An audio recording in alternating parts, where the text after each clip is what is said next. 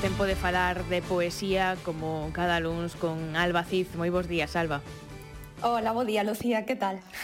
Oxe, eh, imos coñecer eh, a 21 poetas do século XXI, que iso é, así, un, cando menos un reto importante de entrada. Tal cal, non? Acaba de aparecer en Aire Editorial unha antoloxía que a propia editora presenta como das máis novas voces, non? As novísimas voces que se achegan, que se achegan ao xénero estrela da literatura galega. Uh -huh. eh, precisamente quería ocuparme disto. Está a cargo de Carlos da Aira, eh, non sei, por, por comezar por algún lugar, non? Poderíamos preguntarnos sí. de onde ven, non? Cal, cal foi o punto de partida. Eh, curiosamente, o punto de partida desta, desta antoloxía é mm, o Poema Agosto, que seguramente moitos eh, coñezades, ese Festival Internacional de Poesía en Allariz. Mm. Eh, en fin, non por acaso, Lucía, Allariz é un dos meus lugares no mundo, eh, por vía paterna eh, sen dúbida, se ha convertido nunha cita ineludible do, do circuito poético galego, sobre todo pola súa ambición, non pola súa capacidade de diálogo.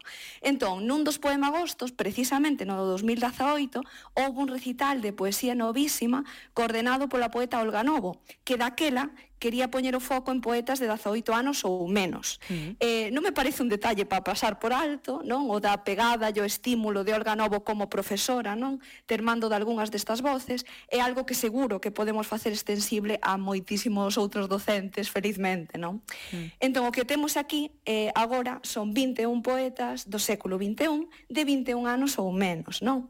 E tamén é ben recordar, así por empezar, que xa levamos un tempiño sen ver no panorama poético galego este tipo de volume, non? Estas antoloxías de novos eh, porque se facemos algo de memoria, desde as antoloxías de Apiario, no seu despregar, e de Chanda Pólvora, aquel 13, antoloxía da poesía galega próxima, que apareceron hai cousa de cinco anos, non? Eh, aquilo tuvera, tivera unha continuación natural no 2017, que era Dentes para Mazá, 12 poetas en creación, tamén de Chanda Pólvora.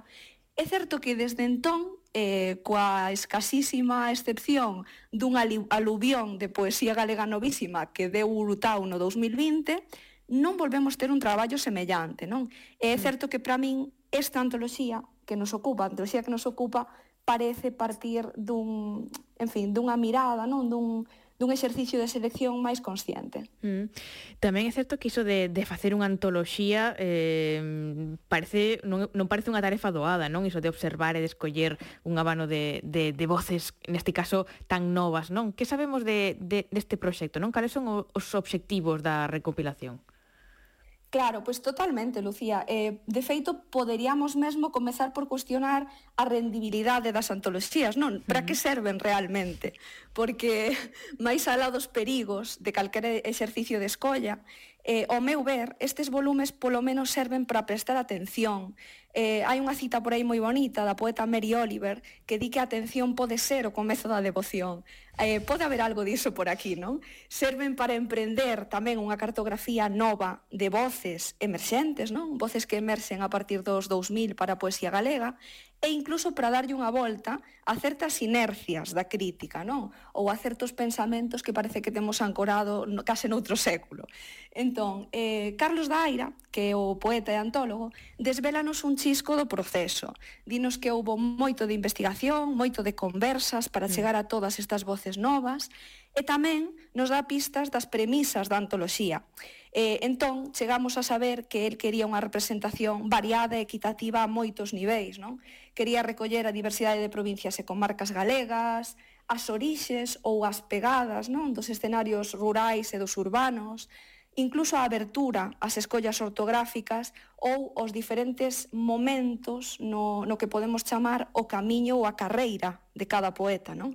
E mm. por iso aquí hai poetas éditos, por así dicir, no vello no novo sentido do termo. Isto é, hai xente que pasou polo papel e xente que editou, non? Ou que pasou por redes sociais ou por outras vías, cousa que me parece fantástica eh, malia a brevidade desta introdución, sí que podemos adiviñar, non? Ou sí que se constata un cambio de paradigma nela. E para min ese é un dos varios acertos da antoloxía, que por fin se amplíe a noción do que hoxe é ser poeta publicado, non? Mm. Que por fin abramos os ollos a cales son os circuitos nos nosos días, ou que se fuxa dos relatos familiares, que son relatos mm, tan dados a invisibilizar ou a construir narrativas, non? Aquí hai moi pouco diso, non se percibe ningunha ansiedade con respecto a o trazado non da tradición poética ou dos referentes poéticos de cada quen. É algo moito máis libre, moito máis máis transparente, máis aberto. Mm. mm o que temos no libro, pois eh, o que imos ir vendo son as diferentes seccións de cada un destes 21 eh, poetas novos, pero como como se presentan e que podemos ler deles, que é o que nos importa máis. Mm. Pois, a ver, é un gusto que, que a Aira Editorial optase por, por esa presentación que che dicía tan limpa, Lucía, mm. que nos dea case a, posibilidade, a posibilidade de aproximarnos o que está a acontecer nos seus propios termos. Entón, as poetas vannos aparecendo co seu nome, co seu ano de, e lugar de nacemento, e a continuación temos unha autopoética moi breve e cinco ou seis poemas, non? nos máis dos casos.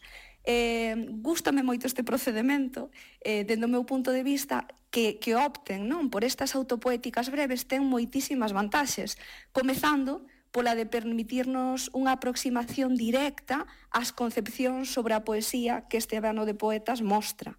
Entón, vou procurar facervos así un sprint, non? Por algúns destes sí. pensamentos. Eh, é certo que algúns proporcionan este fragmento de reflexión, non? Unha reflexión que é propiamente metaliteraria sobre o que para eles a escrita ou a poesía. Algúns proporcionan en clave crítica e outros máis ben en clave poética pero imos, imos pasear por aquí. Uh -huh. Entón, aquí temos eh, a poesía como un modo de vida, por exemplo, en Zaira, en Zaira Ferradás, como un lugar para a vida ou como un refuxio en Paula Varela, en Noé González Alamino, como un campo de batalla eh, en Jorge Moral, en Antía Valvís Moreiras, como unha das vías por activismo en Ne Barros, e tamén eh, como un exercicio de comprensión potente, ou mesmo como un acatarse. Nisto coinciden Mariña Maceiras, Isolda Comesaña, Lorena Fernández Iglesias, Silvia García Fernández. Eh, por suposto, un modo non de asir a beleza do mundo, por aí anda Rosalía Bernández Río Pedre, ou un xeito de domesticar a dor, non? algo que, que tamén nos soará eh, Sara Faro, ven a dicir isto. E ao final, eh, aínda que moito, non, moitas destas concepcións son ben coñecidas, tamén aparece para moitos deles o poema como unha máquina autosuficiente, non? O poema como unha posibilidade aberta, como a liberdade máxima, e voulle roubar as palabras a Fabián Niño, que ven a dicirnos algo así como de querer ser algo que non son e usar o meu idioma como queira eh, todo iso está neles. E xa digo, eh, podería seguir citando até infinito que temos a 21, mm. pero é moi moi interesante esta maneira de presentarnos eh, os seus poemas e a súa mirada a través destas autopoéticas. Mm. Pois Alba, quedamos ca gana, a verdade, de, de escoitar algo máis de, destes, destes mm. poetas, non? De escoitar algún fragmento, pero a verdade é que hoxe quedamos sen tempo, pero iso sí, mm, temos ese libro 21 poetas do século 21 ao que poder eh, acudir para coñecer todo o novo que se está facendo na poesía do, do país. Moitas grazas, Alba. A vos, Bella, escoitámonos.